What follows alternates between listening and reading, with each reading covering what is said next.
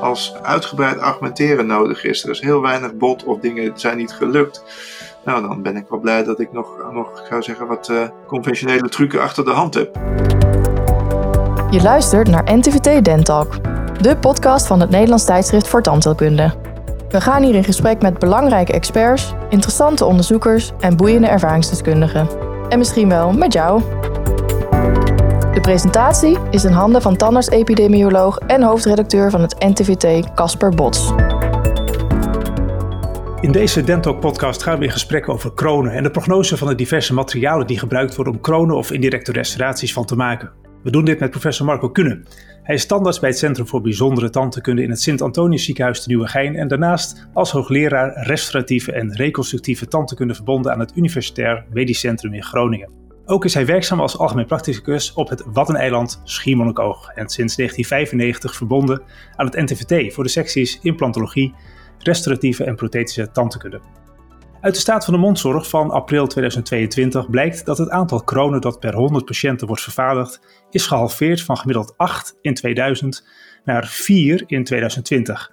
Het aantal plastische restauraties is bijna 2,5 keer zo groot geworden en steeg van gemiddeld 3,5 naar meer dan 10 per 100 personen. Marco, hoe verklaar jij deze enorme verschuiving op dit gebied? Ja, dat, dat is uh, interessant als je daar, uh, daarnaar kijkt. Je, uh, een podcast leent zich niet zo voor het analyseren van een, van een grafiekje. Ja. De Staat van de Mondzorg analyseert UPT-codes, dus stelt UPT-codes bij elkaar op, daar worden keuzes in gemaakt. Dus daar begint het met wat, wat is de kwaliteit van de, van de data. Um, wat, wat mij dan opvalt is dat voor restauraties, in dit geval de, de, de meervlaksvullingen, het woord uh, plastische kroon wordt gebruikt. Mm-hmm. En een meervlaksvulling is een restauratie waar tenminste één knobbel in is, uh, is opgenomen. Ja. En uh, aan de andere kant worden de kronen gebruikt. En dat gaat hier dan om de codes die echt met een volledige omslijping te maken hebben. Dus ja, de R24 geloof ik hè? Ja, precies. Ja. het was R25 en nu R, R24. Ja. En dan zie je eigenlijk dat het wel, wel verschuift. Dus als, we, als je naar dat grafiekje kijkt, dan zie je eigenlijk dat tussen 2000 en 2020 het uh, een tijdje horizontaal loopt. En dan ineens is er een verschuiving uh, rond 2006, waarbij het aantal uh, kronen relatief afneemt. En het aantal directe restauraties relatief toeneemt. Wat is daar gebeurd dan in 2006? Ja, dat vraag je af, hè?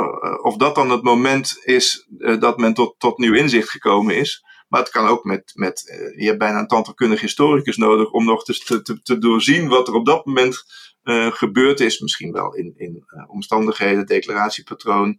Je weet het gewoon niet. Ja. Maar wat opvalt is dat het gaat, dan gaat het voor die kroon een tijdje naar beneden. Maar daarna stabiliseert het ook weer. Dus het is inderdaad van in dit staatje van 8 naar 4 uh, gegaan. Of zou, of zou, het zo kunnen zijn dat het te maken heeft met dat er meer uh, van die niet volledige kronen worden gemaakt, maar meer partiële kronen door onderzoek uh, wat, wat onder andere jullie zelf hebben gedaan? Ja, precies. Nou, dat zou, een van, dat zou ik stiekem hopen natuurlijk. Maar de reparaties is niet opgenomen in de staat van de mondzorg. Dus het gaat alleen om die code R24 en de partiële restauraties niet.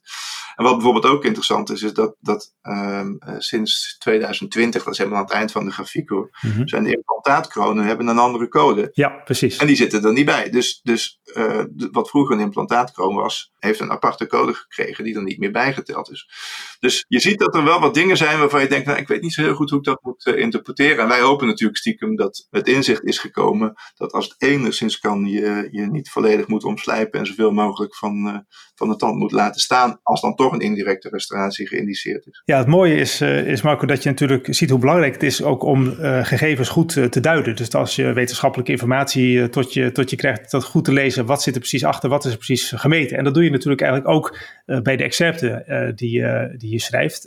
ja, we zagen dus dat je al bijna 30 jaar excerptredacteur bent van het NTVT en al meer richting de 100 excerpten hebt geschreven. Wat is nou voor jou de belangrijkste drijfveer om die wetenschap op, op deze manier uh, naar de tandheelkundige mensen toe te brengen, naar de mondzorg toe te brengen? In het begin was dat primair je eigen interesse. Dus je leest je eigen literatuur, je houdt je vakgebied bij. En um, dan is het relatief makkelijk om er vervolgens ook op verzoek van het NTVT een, een korte samenvatting van, uh, van te schrijven. Ja. En destijds was het ook ingewikkelder om die, die literatuur op je bureau te krijgen. Dus het, het had een hele nadrukkelijke functie, ook voor mezelf wel. Ja. Um, dat is natuurlijk tegenwoordig veel makkelijker. Je wordt overspoeld met informatie. En, um, dat maakt het ook weer moeilijker trouwens. Want ik herinner me, nu je dat zo net zei, van dat ze vroeger uit Nijmegen kreeg je lijsten met achterkanten geprint, gekopieerd van de inhoud van de diverse tijdschriften. En dan was je weer blij als je zo'n lijst uh, kreeg ja. te zien. En daar baseerde je waarschijnlijk op, of niet? Absoluut, ja zeker. Dat kreeg je op je bureau en dan zet je er eens een kringeltje omheen en dan, dat, dat was wel wat. En dan, en dan liep je naar de bibliotheek toe en dan ging je graven en zoeken. ja, en dan had je eigenlijk wat gevonden of opgevraagd en bleek het toch anders te zijn dan je, dan je dacht. Dan was Ja. je ook drie weken verder. Maar hoe doe je dat dan nu? Hoe, hoe doe je dat nu? Want je krijgt zoveel informatie. Precies. Ehm, ik heb een, eh, laten we zeggen, toch wel een klein bibliotheekje aan, eh, aan tijdschriften waar ik me op baseer binnen, eh, binnen mijn eigen domein. Die eh, tijdschriften zelf sturen alerts over de inhoudsopgaves. Dus dat, dat is allemaal wat makkelijker gemaakt. Ja. En de selectie, en dat heeft een beetje te maken met de manier waarop ik het op dit moment doe. Want ik, ik betrek heel nadrukkelijk, en dat kun je in het tijdschrift ook zien, de eh, studenten eh, van de tandheelkundeopleiding in Groningen daarbij. Mhm. Dat zijn laatstejaars studenten die bij, eh, binnen mijn domein, de restauratieve tandheelkunde, hun stage lopen. En als onderdeel van die stage nodig ik of daag ik ze uit om een, of eigenlijk is het verplicht, samen, samen Verplichte uitdaging. Ja. voor het uh, tijdschrift voor tandheelkunde te schrijven. Uh, en ze doen zelf een voorstel voor um, het artikel. En dat is um, soms een beetje heen en weer pingpongen. uh, voor waarvan ik denk dat uiteindelijk de algemeen practicus ook. Um, dat hij daar iets mee moet of in geïnteresseerd is. Maar laatstejaars studenten, die zijn heel leergierig en die, die, die weten eigenlijk vrij goed en snel te duiden wat er in het veld speelt en, en um, wat interessant is. Weten over het algemeen ook de wat betere artikelen wel eruit uh, uh, te vissen. Okay. En verder, weet je, wat, wat voor hun interessant is, uh, laat het vervolgens door hun ook makkelijker samenvatten. Uh, die ja. komen dan weer op mijn bureau en ik, ik, ik spreek dat dan door met Jan Poorterman, de Accept-redacteur, of dat geschikt is. Ja. Zij maken die samenvatting. Ik heb er dan in de regel, ik kan nog wel heel veel werk aan om het. Uh, uh, om het af te maken. Ja, want ik kan me voorstellen dat met name bijvoorbeeld conclusies die getrokken worden, uh, dat zie je natuurlijk vaker, dat een conclusie een soort one-liner wordt die een eigen leven gaat leiden, dat dat heel subtiel ligt en dat je daar hele goede, de, de juiste woorden moet kiezen. Ja, dat is best lastig, hè? Want, want volgens mij hebben we met elkaar afgesproken dat uh, in de excerptenrubriek uh, de, de mening van de redacteur eigenlijk zo weinig mogelijk doorklinkt. Daar zou het met elkaar toch eens over moeten hebben. Uh, en dat je toch echt moet proberen om datgene wat de auteur concludeert over te nemen. En dat is natuurlijk relatief eenvoudig. Ja. Anderzijds, als je het gevoel hebt van, joh, maar die conclusie sluit niet helemaal aan bij hoe, hoe ik of, of hoe wij, de studenten en ik, de data interpreteren, ja, dan is het misschien niet zo'n goed artikel en, en gaat het niet door de zeef heen. Precies. Uh, je, ja. dat lukt natuurlijk ook niet altijd. Misschien, is het, misschien is het wel leuk om even een van die accepten erbij te pakken. Want in, dit, in de mei-editie uh, van 2022, daar hebben we een mini-thema over de excerpten. En een van die excerpten die gaat over de prognose van endocronen. Ja. En het artikel wat daar aangehaald wordt is een artikel uit het Journal of Prosthetic Dentistry 2021. En de conclusie die getrokken wordt is dat endocronen uh, bij endodontisch behandelde elementen, gebitselementen in de zijdelingse delen een veelbelovende, conservatieve, restauratieve mogelijkheid zijn. Misschien is het eerst goed om even te zeggen wat er onder de wordt verstaan, dat dat eenduidig is voor iedereen. Ja, dat is, dat is wel goed. Dat slaat weer terug op je eerste vraag uh, over wat nou een, een, een, een, plastische kroon is of wat een, uh, een, um, een indirecte restauratie is. Vroeger was een endokroon was een, een, uh, een endodontisch behandeld element wat je volstortte met amalgaam en dat was dan een endokroon. Oh, serieus? Ik dacht de ja. endo-opbouwkroon, dacht ik. Nee, nee, een endokroon heeft zo'n, ja. Met van die parapulpaire pinnen. De grote homp, homp amalgaam. Maar um, een endokroon is een, een um, monolithische restauratie, dat uit één stuk gemaakt, uh, die zijn uh, verankering vindt in de pulpenkamer. Ja. Dus daar waar we in het verleden, we, zeker bij molaren, zijn we eigenlijk sowieso al wel van, sti van stiften, wortelkanaalstiften af, hè, in, in de meeste gevallen.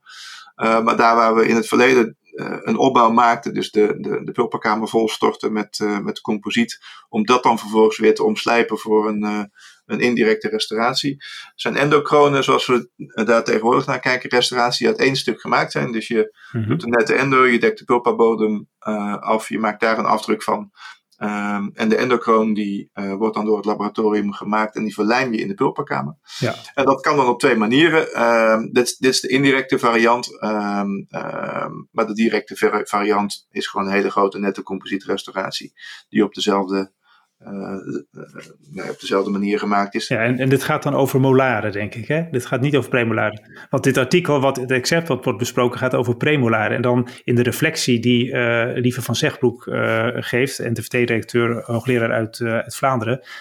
zij zegt dat de conclusie wordt gegeven dat die elementen in de zijdelingse delen dus veelbelovend zijn, maar dat niets minder waar is. Want de prognose van endocronen bij premolaren is significant minder. En dat geeft meer kans op wortelfractuur. Nee, ik denk dat ze daar gelijk, dat, dat ze daar gelijk in heeft. Dus wij weten zelf ook vanuit ons onderzoek in Groningen veel van endocronen op molaren en ja. uh, veel minder van endocronen op premolaren en op incisieve. En in dit uh, artikel is dat wel op één hoop gegooid. En dat onderscheid is er wel degelijk. Dus die, uh, die conclusie die had wat genuanceerder mogen wezen. Maar ja, zo staat het in het, in het artikel. En ik mag van jou er geen reflectie op schrijven. in dit geval hebben we mooi de gelegenheid om daar wel op te, op te reflecteren. Dus als ik dit, dit lees, er wordt ook gezegd, dit is een veelbelovende mogelijkheid. Dus het wordt ook nog onderzocht. Je had het net over het uh, onderzoek in, in Groningen. Is dat het onderzoek van Maurits de Kuiper die daarover gaat? Ja, onder andere. Ja, maar Maurits die heeft mede namens de, de stichting NTVT promotieonderzoek mogen doen naar endocronen in molaren. Mm -hmm. Dus echt waanzinnig knap wat die uh, kan maken op wat, wat veel algemeen praktische, waaronder ik zelf uh, beschouw als compleet uitbehandelde gebitselementen. Die een nieuw leven krijgen. Waar hij nog een, uh, een directe, dus, dus een, een uit de hand gemaakte hele grote composietrestauratie of een indirecte um, endocroon op weet te maken. En dan in een uh, gerandomiseerde klinische studie vergelijkt hij dat met wat in vitro studies. Dus daar hebben we wel veel ervaring mee en ook veel vertrouwen in. Zoveel zelfs dat, dat dit soort restauraties eigenlijk, um, nou niet eigenlijk, maar in het onderwijs in Groningen ook door studenten worden toegepast op de kliniek. En hoe kan je nou die keuze maken? Stel, je, je werkt één dag per week op Schiermonnikoog op dat mooie Waddeneiland met uh, nuchtere Friese, ja. uh, denk ik. Um, hoe maak je daar de keuze van, wordt dit nou een, een directe restauratie of moet ik hier echt uh, verhaal houden voor de indirecte? Kan je dat uh, kan ons meenemen naar, uh, naar een oude Fries? dat, is, dat is echt een hele goede vraag. Er zit, er zit natuurlijk een, een kostencomponent aan. Dus de indirecte, als al de directe kosten op het moment dat je hem nu maakt. Ja. Um, maar het zit hem voor een stuk in handvaardigheid. Het heeft te maken met de vraag of je in staat bent om die restauratie uit de hand zodanig vorm te geven dat die met name goed reinigbaar is, approximaal. Ja. Dus als het je niet lukt, en, de, en zo geven wij dat onze studenten ook mee, als het je niet lukt om uh, approximaal de anatomie te herstellen, een goed contactpunt te maken, bij, bij zulke gecompromitteerde uh, gebitselementen, ik zou bijna zeggen, doe het dan niet, want dan gaat het uiteindelijk toch mis. Dus dan gaat het om hele diepe boksen bijvoorbeeld, die heel sub, uh, subgingivaal liggen. Zoiets. Ja, nou dat zeker. Hè. Dus alles, alles wat subgingivaal ligt is al lastig, maar het gaat, het gaat met name om, um, uh, om het contactpunt en het gaat uh, erom dat je uh, toch een beetje bolle contour weet uh, ja. te maken. En maar een van de dingen waar ik ook in het onderwijs altijd een beetje narig van word, als in de staten staat dat het contactpunt een beetje mager is en dat dat over een half jaar nog eens gecontroleerd moet worden, dan weten jij en ik dat er geen contactpunt zit en dat als ja. je daar niks aan doet, dat, dat je over twee jaar de, de, de tang erop kunt zetten. Ja, dus onduidelijkheid over het contactpunt of inderdaad elementen ja. migreren nog wel een meciaal, dus dat komt wel goed, maar eigenlijk weet je dat het niet goed komt. Ja, soort van hopen op een wonder. En die, die, die, gebeuren in Groningen niet meer of minder dan in de rest van het land, denk ik. Hoor. Ja, en dan even terug naar die, uh, die keuze die je dan moet maken als je met die 80-jarige Fries in de stoel, uh, of uh, mag ook 50-jarige Fries zijn. Ja. Um, dus dan, dan kijk je van, is het dus reinigbaar te maken? En het financiële aspect um, is natuurlijk ook, ook belangrijk, omdat natuurlijk een, een indirecte restauratie veel, veel duurder in beginsel is.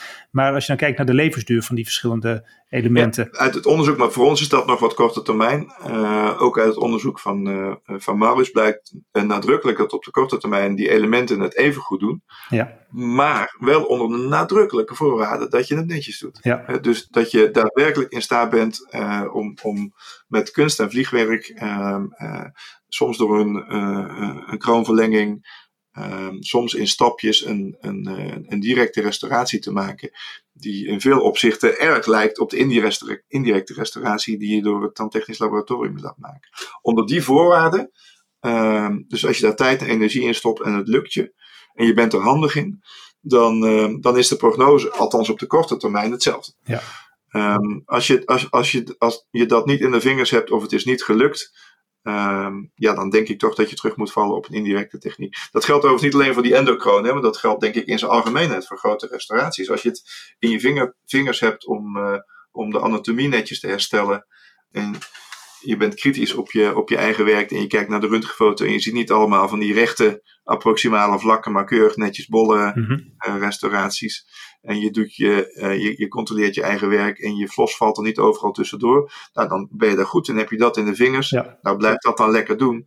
Ben je er wat minder goed in, dan moet je misschien toch die slag naar iets indirects proberen te maken. Precies, dus, dus eigenlijk is de tandartsfactor een hele belangrijke. Dat denk ik, Ja, ja. ja. ja, ja. Maar toch gebeurt het natuurlijk wel een aantal keer per jaar, in ieder geval bij mij in de praktijk, dat zou je ook wel herkennen, dat dan een patiënt binnenkomt. Dan heb je wel geadviseerd om daar een keer op een, eh, bijvoorbeeld een 1-6, eh, eh, die, die heel zwaar behandeld is, met een endo, om daar een kroon op te, te plaatsen of een indirecte restauratie. En dan breekt die toch af, palatinale wand is uh, subgingivaal afgebroken. Zeg ja, dan word je weer bevestigd in het feit, ja, had ik misschien toch maar een kroon eh, eh, geïndiceerd? Of is dat dan eigenlijk een beetje NS1 en ja, eh, weer wacht ik dan gewoon tot ik een soort bevestiging krijg van wat ik eigenlijk wil zien? In Groningen zeggen ze achteraf, kijk je, kijk je een koe in de kont. hè. Ja, dan is het allemaal makkelijk te verklaren. Ja, dat geldt, geldt natuurlijk voor veel dingen. En, en Ja, van, de, van de grootste wonderen zijn weinig mensen getuigen, zeg ik ook wel eens. Dus, eh, de- de- dus ja, ja, dan had je beter. Dan had je beter, ja, dat kan. ja maar dan, voor zel- aan de andere kant komt ook wel eens een keer een kroon los of breekt er ook wel eens een keer een, eh, een kroon. Ja. Oké, dus, eh, dus die reflectie inderdaad eh, die daarop gegeven wordt van, nou, je moet inderdaad bij die, bij die grote, bij de molaren is het gewoon indirect zonder een, een opbouw erin te doen. Dan kan je gewoon rechtstreeks dus afdrukken, mits je het dus maar denk ik goed droog legt, neem ik Ja. aan. En dan het eh, goed kan, eh, kan plaatsen en zorgt voor goede reinigbaarheid. Ja? Ja, en ad, eh, dat ben ik nou vergeten te zeggen. En, en het gaat om een adhesief te bevestigen restauratie. Hè? Dus eh, Ja. dat ik niet verkeerd begrepen word. Het gaat om een, eh, eh, eh, in ons geval lithium-disilicaat, glaskeramische restauraties die je adhesief Precies. verbindt aan Ja, ehm, het gebitselement. Waarbij we ook nog wel wat trucken toepassen om die hechting aan dat element ehm, zeg maar, zo stevig mogelijk te doen zijn. ja, dus gaat niet om metaal, porselein. eh, Nee, nee, nee. Dat, Maar dat is dan- gaat, gaat vroeg me- vroeg net nog wel even af. Het is natuurlijk eh, een indicatie voor een indirecte restauratie. Is vaak ook als je subgingivaal moeilijk uit de voeten kan met, met bandjes en, eh, en dergelijke.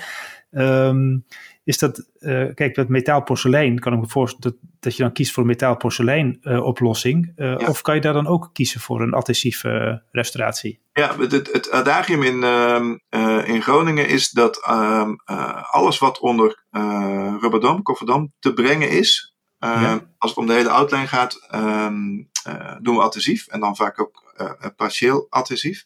Als het je niet lukt om het onder rubberdam te brengen en goed droog te houden, dan is een, eh, denk ik een, een, eh, een slechte adhesieve eh, hechting, verbinding, Mhm. is, is kritischer dan dat je dat met conventioneel cement zou bewerkstelligen. En dan wordt, ik zou zeggen, teruggevallen op een conventionele restauratie. En of het nou metaalporselein, maar wij gebruiken zirconia met opgebakken porselein. Precies. Ja. Die je conventioneel cementeert. Ik wil zeggen, dat een van de, van de onderzoekslijnen in, in Groningen is, is een soort van tussenweg. Rijtje Bresser is een van onze promovendi.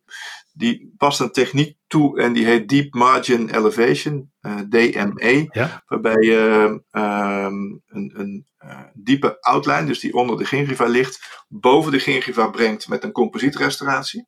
En dat doe je heel eenvoudig door er een strak bandje omheen eh, te trekken, zo, waarvan wij weten dat je onderin een nette restauratie kan maken. Ja. Maar waarvan we ook weten dat als je probeert om de hele restauratie te maken, dat je contactpunt er niet is en dat je een recht, Ja. rechter extra. Maar goed, je Ik brengt, kan me situaties voorstellen, inderdaad. ja, je brengt hem boven de, eh, boven de gingiva en dat wordt eigenlijk de outline voor je indirecte restauratie. Dus dat wordt dan afgedrukt en aan die eh composiet eh, restauratie wordt dan de glaskeramische restauratie gehecht.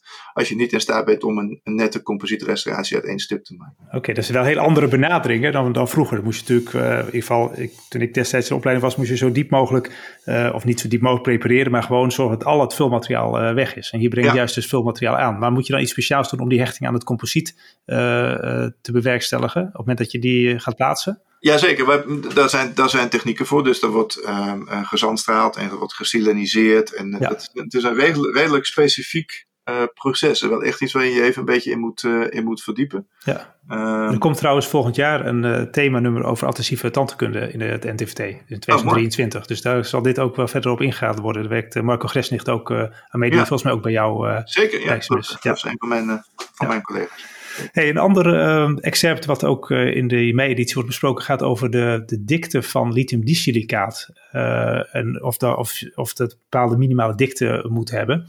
En dat is een artikel ook uit de Journal Prosthetic Dentistry. Dat is wel jouw, jouw lijfblad, denk ik, als ja. ik, of jouw gebied.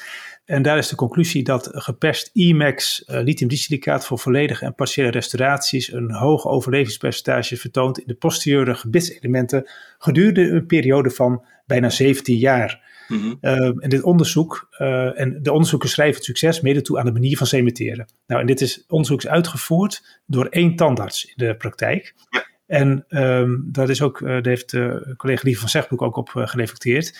nou, zij geeft aan, dit onderzoek toont aan dat een tandarts, als je, als je maar een strikt protocol volgt, kan afwijken van minimale afmetingen. Dus het gaat om die, die dikte die op een gegeven moment heel erg dun wordt. En de vraag was even, daar van haar ook, zitten er bijvoorbeeld wel klemmers in? Is er überhaupt wel een antagonist? Of heeft, de, heeft deze tandarts allemaal elementen gekozen die eigenlijk haast niet belast worden?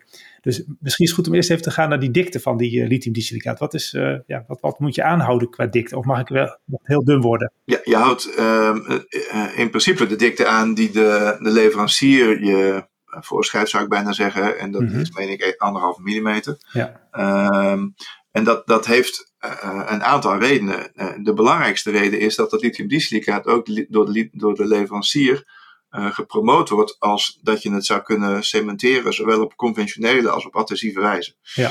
Dus um, om het, laten we zeggen, niet al te ingewikkeld te maken, hanteren ze denk ik daarom uh, die minimale dikte. Want dat maakt nogal uit. Als, als, het, als je het adhesief cementeert, wordt het composiet cement uh, en je restauratie uh, Eén, wordt, als het ware. wordt als het ware één. Ja. En, en, en, dat, dat uh, draagt enorm bij aan de sterkte van het hele complex. Op het moment dat je het conventioneel cementeert, ja, dan, dan blijft er ook in termen van druksterkte een, een, een, een heel dun laagje daarboven zitten. Dat gaat, dat gaat toch niet goed. Ja.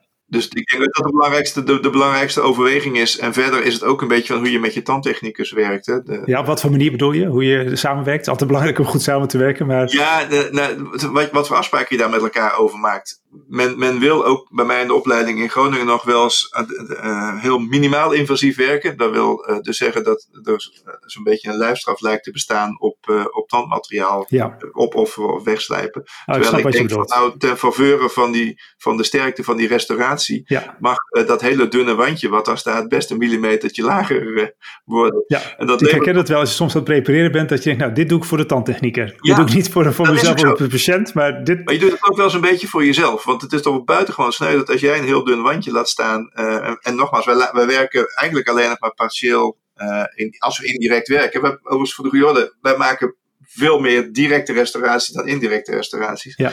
Um, ook, ook binnen mijn domein. We, we, hebben het nu een beetje over de kronen, maar laat niet de indruk bestaan dat in Groningen. Nee, het is geen maar... pleidooi voor, voor alleen maar indirecte restauraties. Nee, nee, toch? precies. Maar, maar het, het, is wel een pleidooi voor maak het jezelf nou niet te moeilijk. En, en uh, zo'n heel dun wandje laten staan is toch wel een beetje sneu. Dat als de tandtechnicus net iets moois gemaakt heeft en met veel pijn en moeite het stompje heeft uitgegoten als die analoog werkt.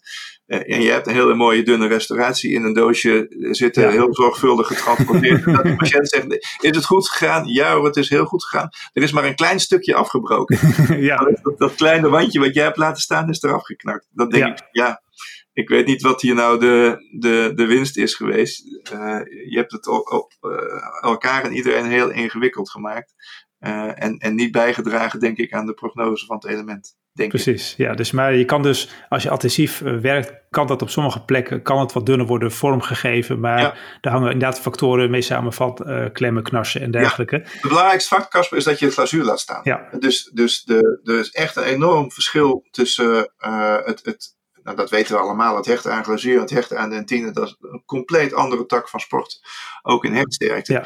Um, maar of je nou, uh, laten we zeggen, een millimeter glazuur laat staan of 18 millimeter glazuur laat staan, dat maakt echt niet veel uit. Precies, als je maar wat glazuurhechting hebt. Maar dat brengt me gelijk eigenlijk bij het volgende punt. Soms heb je natuurlijk in de laterale uh, esthetische zone, bijvoorbeeld in de, het eerste of tweede kwadrant, dat je dan wel indirect wil restaureren, ook wel partieel, maar dat dan bijvoorbeeld de outline ja, midden op het uh, buccale vlak van een, van een 1-4 of zoiets komt. Ja. En dan kies ik soms zelf wel ervoor om toch dat maar mee te nemen vanwege de esthetiek. Maar kan je dan toch beter kiezen om dat niet te doen? Of hoe moet je die keuzes maken?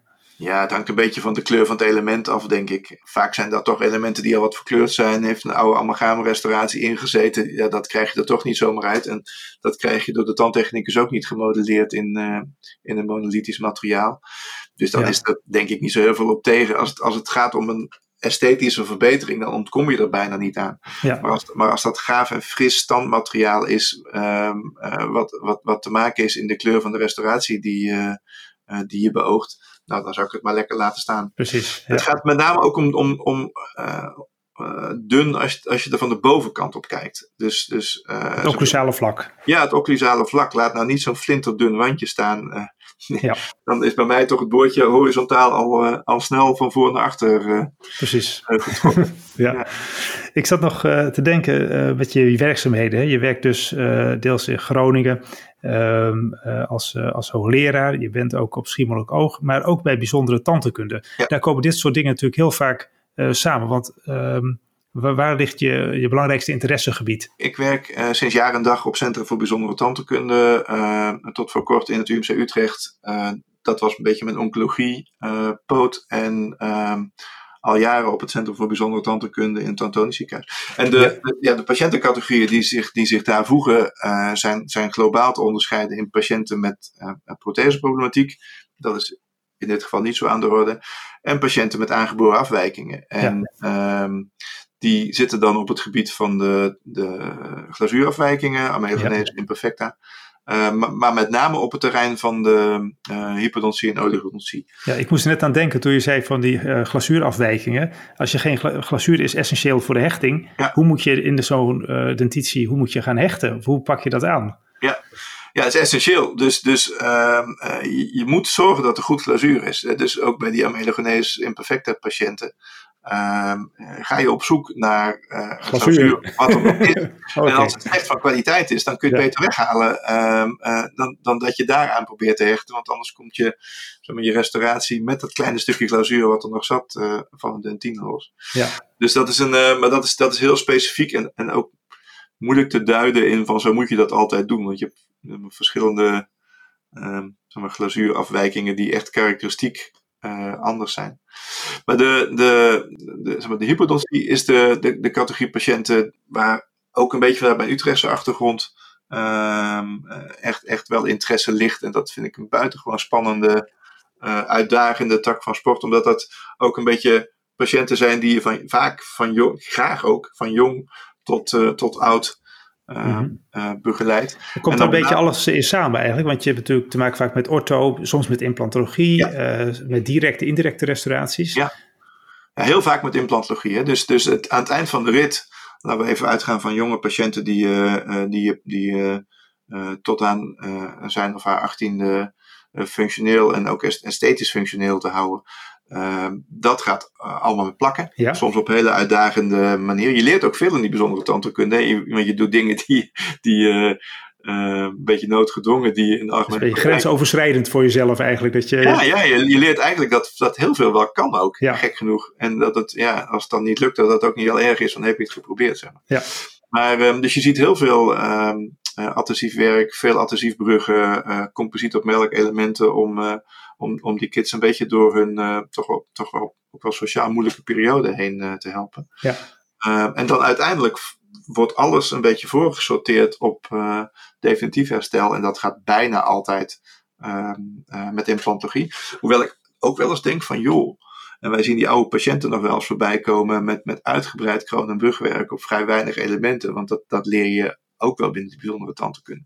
Zo slecht was dat niet hoor. Dat gaat echt jaren mee. Ja. En uh, soms met pijn in het hart, maar als, als um, uh, uitgebreid argumenteren nodig is, er is heel weinig bot of dingen zijn niet gelukt. Nou, dan ben ik wel blij dat ik nog, nog zou zeggen, wat uh, conventionele trucken achter de hand heb. Ik kan me voorstellen dat je dat de hele gereedschapskist daar naast je moet hebben staan met alle mogelijkheden die er, die er zijn. Ja, ja. Wordt er trouwens ook onderzoek gedaan bij bijzondere tandheelkunde op dit gebied? Of is dat in Nederland niet zoveel? Of is dat Europees? Niet zoveel. In, in ehm, het ziekenhuis waar ik, uh, het Sint Antonisch ziekenhuis, doen we eigenlijk geen onderzoek. Dat is echt een, een, patiënt, een, een kliniek gericht op patiëntenzorg.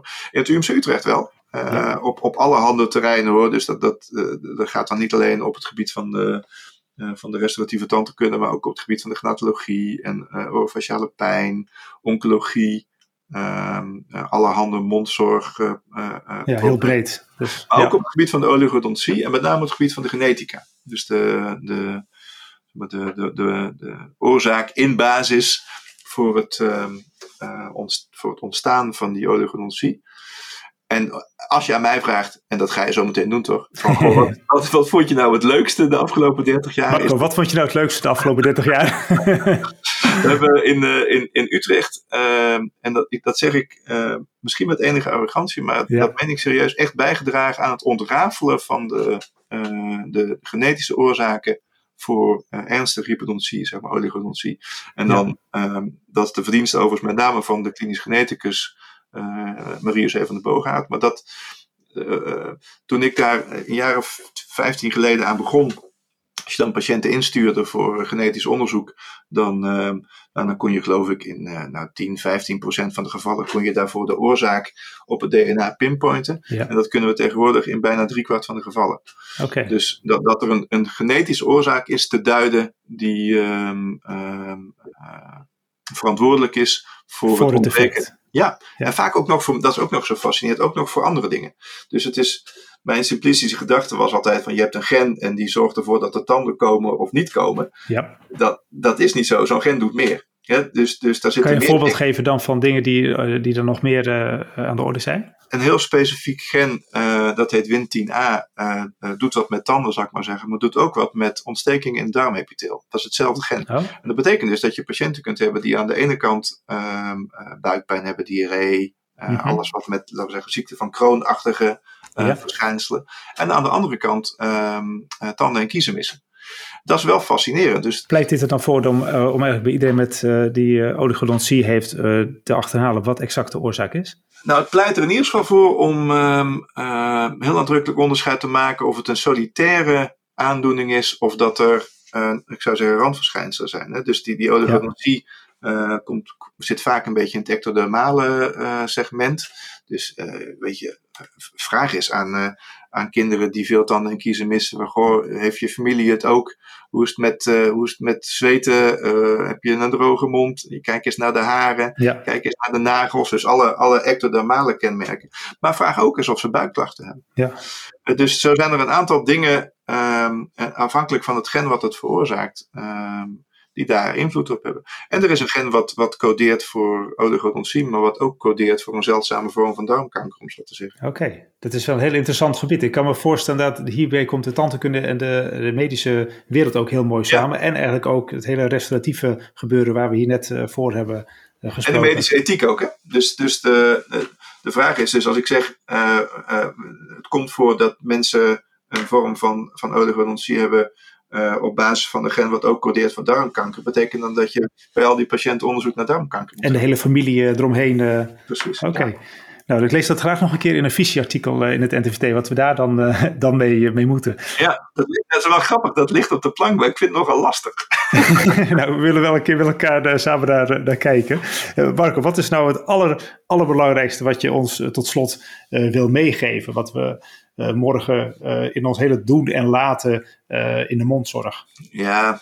Dat mag over alles gaan hoor. Ja, ik, kan het alleen, maar op mezelf betrekken. Ja. in dit geval zonder moralistisch te willen wezen over wat je wel of niet moet doen in de tand. Ja, hoe sta jij erin? Ik denk dat je moet zorgen dat je je vak leuk houdt. En voor mij betekent dat diversiteit. Dus ik heb, je zegt 30 jaar Excerpte-redacteur dat ik bij Isaac van der Waal op bezoek kwam uh, ja. uh, om mij uit te leggen uh, hoe dat allemaal werkt. En dat ik ben dat altijd in wat voor vorm dan ook blijven doen, want ik vind dat leuk. Ik vind het leuk om daar met jou eens over te praten, ja. over tandheelkunde na te denken. Maar ik vind de kliniek leuk, ik vind onderzoek leuk, ik vind studenten fantastisch. Ja. Um, dus als je het gevoel hebt van, joh, ik, ik ben te smal bezig en ik haal daar mijn energie niet uit, zorg dan dat je er andere dingen bij of naast gaat, uh, gaat doen. Als je studenten leuk vindt, uh, schrijf eens een brief aan de opleiding of kom eens kijken ehm, solliciteren is of kom eens een kop koffie drinken. Of dat iets is waar je, waar je, Ja, eh, waar, waar, waar je, je passie is. Ehm, altijd behoefte aan, ehm, aan enthousiaste eh, eh, collega's die, die nog met hun voeten in het, eh, in het veld het staan. veld Dus, staan, precies. Ja, pas, Ja. pas op dat je niet opbrandt, dan hou je het denk ik heel lang, eh, heel lang vol. Althans, ik denk dat ik dit nog wel een tijdje volhoud. Nou, daar zijn we heel erg blij mee, Marco, dat je het eh, tijd volhoudt en daarmee ook... jij eh, ook toch? Ik, ik hou het ook wel een tijdje vol. het is heel, heel leuk. Bedankt in ieder geval voor dit, eh, voor dit gesprek en de dingen die we, die we hebben besproken. En we- zijn hiermee aan het einde gekomen van deze Dental podcast, waar we in gesprek waren met professor Dr. Marco Kuhne over het thema indirecte restauraties. Bedankt voor het luisteren en graag tot de volgende keer. Dit was NTVT Dentalk, de podcast van het Nederlands tijdschrift voor tandheelkunde. Heb je tips of leuke vragen voor ons? Laat het ons weten via redactie.ntvt.nl. Bedankt voor het luisteren en graag tot de volgende keer.